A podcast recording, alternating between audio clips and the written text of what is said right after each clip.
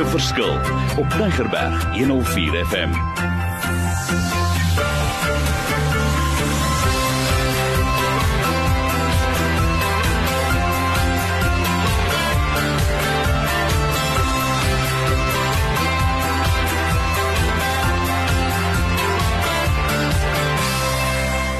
Wonderlik. My naam is Mario Denton. Ons is besig met 'n reeks wat gaan oor karakter en dit voel vir my ons kan nie klaar gesels nie want daar's nog onderwerp op onderwerp op onderwerp. En ons het gevoel ons wil hierdie week die belangrike karaktereienskappe van geloof inspreek. Waar pas dit in? Hoekom is dit belangrik? So vir die volgende paar minute kom ons luister. Wat het jy vir ons om te sê Anadie? Mm, hallo aan die luisteraars. Is fantasties om weer terug te wees by julle.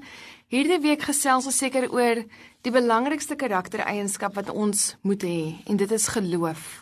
Nou, jy kan vir my vra Annetjie, wat is geloof? En ek gaan dit so eenvoudig hou as om vir jou 'n Bybelversie te lees. Hebreërs 11 vers 1, want dit word so mooi verduidelik. Dit is die vaste versekering dat die dinge waarna ons uitsien inderdaad sal gebeur. Dit is die bewys dat God die dinge wat ons nog nie kan sien nie, waar sal maak. Met ander woorde, as kind van God twyfel ons nie aan sy beloftes nie. As kind van God sien ons uit na die dinge wat nog wel gaan gebeur. 'n Praktiese voorbeeld hiervan is as ek jou blinddoek en ek neem jou by 'n kamer in. Ek kan alles sien wat om jou aangaan. Jou oë is toe, jy kan absoluut niks sien nie. En nou verduidelik ek vir jou wat alles in die vertrek is. Ek skets vir jou 'n prentjie en jy vorm dit in jou geestesoog omdat jy nie kan sien nie. En dan wanneer ek die lig aansit, sien jy alles wat ek in jou verduidelik het. En so is geloof. Geloof is om dinge te glo wat ons nog nie op aarde kan sien nie. In ons geestesoog het ons hierdie prentjie van wat God is, hoe die hemel gaan lyk, wat hy vir ons gaan doen. Ons het al hierdie amazing beloftes. Ons kan Jesus of God dalk nie fisies sien nie, maar eendag gaan ons hom wel kan sien. En daarin moet ons vashou dat dit die woorde wat hy vir ons gee, die prentjies wat hy vir ons skets hier op aarde is eerbaar, is dinge waarna ons kan uitsien. Dis dinge wat nog wel gaan gebeur in die toekoms. Nou jy kan vir my sê Annelie, dis alles goed en wel, maar hoe weet ek wat God vir my toekoms inhou? Hoe kan ek glo in iets wat ek nie kan sien nie? En my raad eerstens is dat jy as jy dit nog nie gedoen het nie, 'n oortuiging moet maak en Jesus moet aanneem as jou verlosser en saligmaker. Jy moet aanvaar dat Jesus gekom het om vir jou sondes te sterf sodat jy eendag die ewige lewe kan hê. En dan daarna, stap 1 word so mooi vasgevat in Johannes 1 vers 12 wat sê: Almal wat hom aanneem en in hom glo, het die reg van kinders van God te wees. As kind van God word jy geroep om meer as net te leef. Jy word 'n koninklike herkoms gegee. Jy word die voorreg gegee om te leef in verhouding met God die Vader, met die Heilige Gees. Want wat pragtig is, is dat wanneer jy met God in verhouding staan, wanneer jy nader aan hom kom, word jou geloof gebou, gaan jy groei, gaan jy sukses kan behaal, gaan jy liefde ervaar. En as jy daar sit en jy dink en jy sê vir my Annelie dis great. Hoe doen ek dit? Ek sê nou Jesus is my verlosser, maar hoe kom ek nader aan hom? Hoe groei ek in my verhouding met hom? Wil ek vir jou sê gaan stof bietjie daai daai boek af wat op die rak mhm. staan. Gaan na die Bybel toe. Gaan spandeer tyd in die woord. Want Romeine 10 vers 17 en dit is my gunsteling gunsteling gunsteling versie is faith cometh by hearing and hearing mm. by the word of God. Jy gaan nie geloof kan hê as jy nie God se beloftes vir jou lewe ken nie. Jy gaan nie iemand kan bemoedig as jy nie weet hoe om te bemoedig nie. Jy gaan nie vir 'n sieke kan bid en glo hy gaan gesond raak as jy nie weet in God se woord staan daar lê julle hande op die siekes en hulle sal gesond raak nie. Hierdie is 'n praktiese beginsel.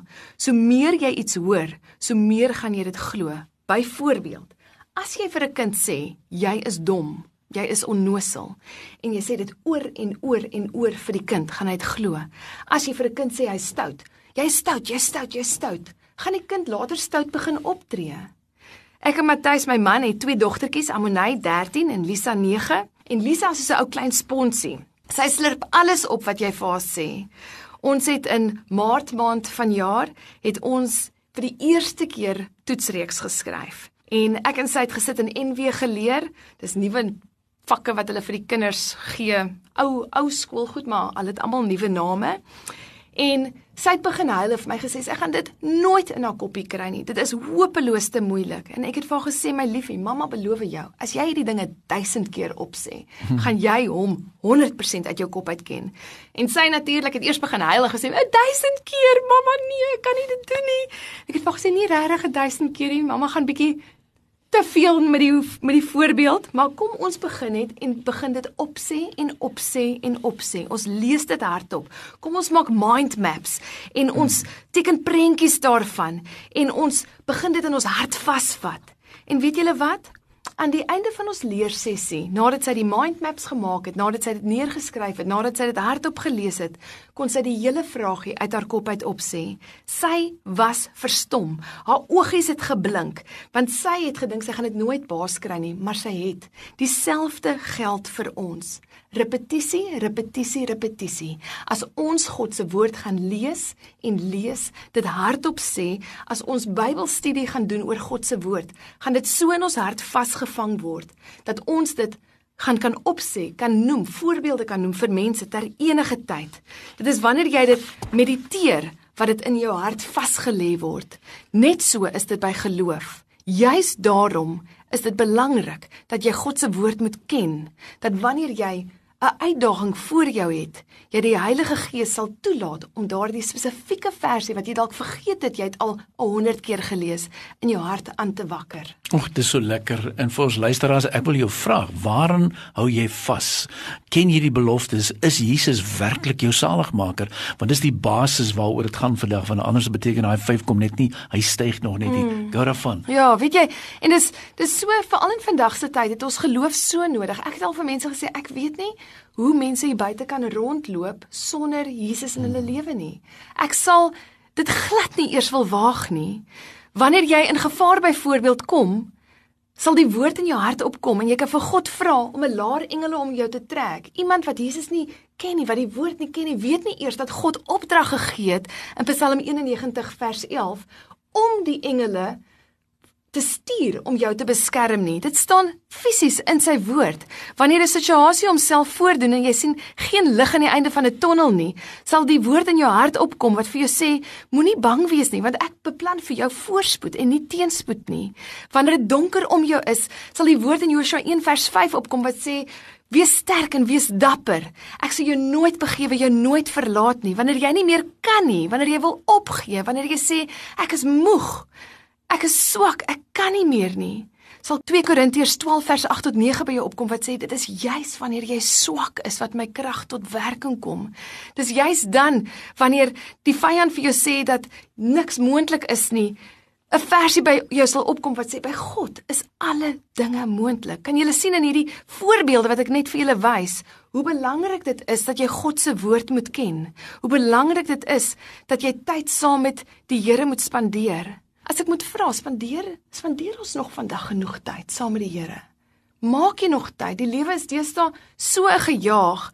Ek dink Mario, een van die mooiste goed wat iemand of die die waardevolste goed wat iemand hierdie jaar vir my gesê het, is Annelie, luister na die Bybel op jou foon. En jy was die een wat na my toe gekom het en sê vir my, gaan na die Holy Bible toe en wanneer jy dan sit in die verkeer of jy wag vir 'n kliënt of jy het ledige tyd, maar jy kan nie spesifiek nou sit en Bybel lees nie, luister na die audio Bybel op jou mhm. foon. En dit was vir my soveel vir my het vir my soveel waarde toegevoeg want weer eens in my onderbewussyn alhoewel my konsentrasie nie daarbey is nie, gaan lê daardie woord vas in my hart. En dit is juis wanneer ons stil raak wanneer ons die Here kan hoor. Dis juis daardie oomblikke wat ons net luister wat hy met ons hart kan praat. Is dit nie? Dis lekker. Mm. Nee, dis lekker en uh, ek wil ook vir jou vra terwyl ons nog hierdie sessie volgende week gaan verder vat, 'n uh, eh, gedagte of twee en dan sommer ook jou details vir ons gee aan die einde van ons gesprek, hoor. Ja, weet jy wat? As ek 'n uitdaging vir jou hierdie week kan gee, is raak stil. Raak vir 'n oomblik net stil en dit beteken nie ek sê jy moet in 'n doodstil hoekie gaan sit met niks om jou nie.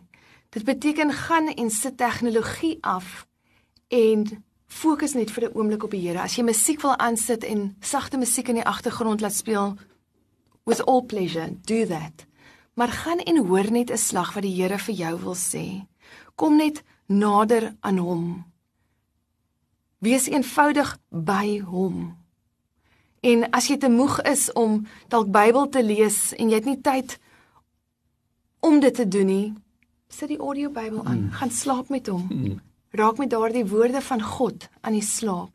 Want ek beloof jou, wanneer jy tyd saam met die Here spandeer, wanneer jy tyd in sy woord spandeer, gaan jy vrede ervaar. So dis my uitdaging vir die week. Gaan en raak stil.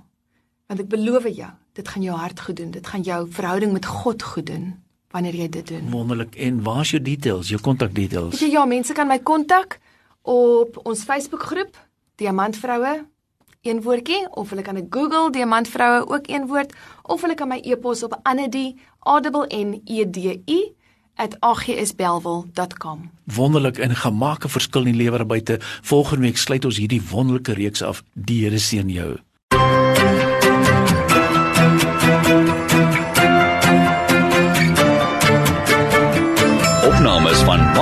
Verskil is te kry op Potgooi via Tigerberg 104 FM se app of te wel toepassing.